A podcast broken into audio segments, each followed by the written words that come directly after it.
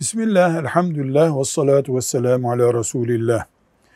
Kıyamet gününde insanın dünyada yaptığı işlerinin şahidi organları olacak deniyor. Doğru mu? Doğru tabi. Kur'an-ı Kerim'de Nur suresinin 24. ayetinde, Yasin suresinin 65. ayetinde böyle buyuruyor Allah. Ne demek? Kol bir organ, kol konuşacak. Ben tuttum, yaptım, ettim diyecek. Ayak yürüdüğü yerleri söyleyecek. Dil konuştuklarını itiraf edecek. Burun koklandığını söyleyecek. Göz gördüğünü söyleyecek. Kulak duyduğunu söyleyecek. Organlar konuştuğu için de insanın yalan konuşması, konuştuğu şeyi belgelemesi, şahitliğe ihtiyaç yok.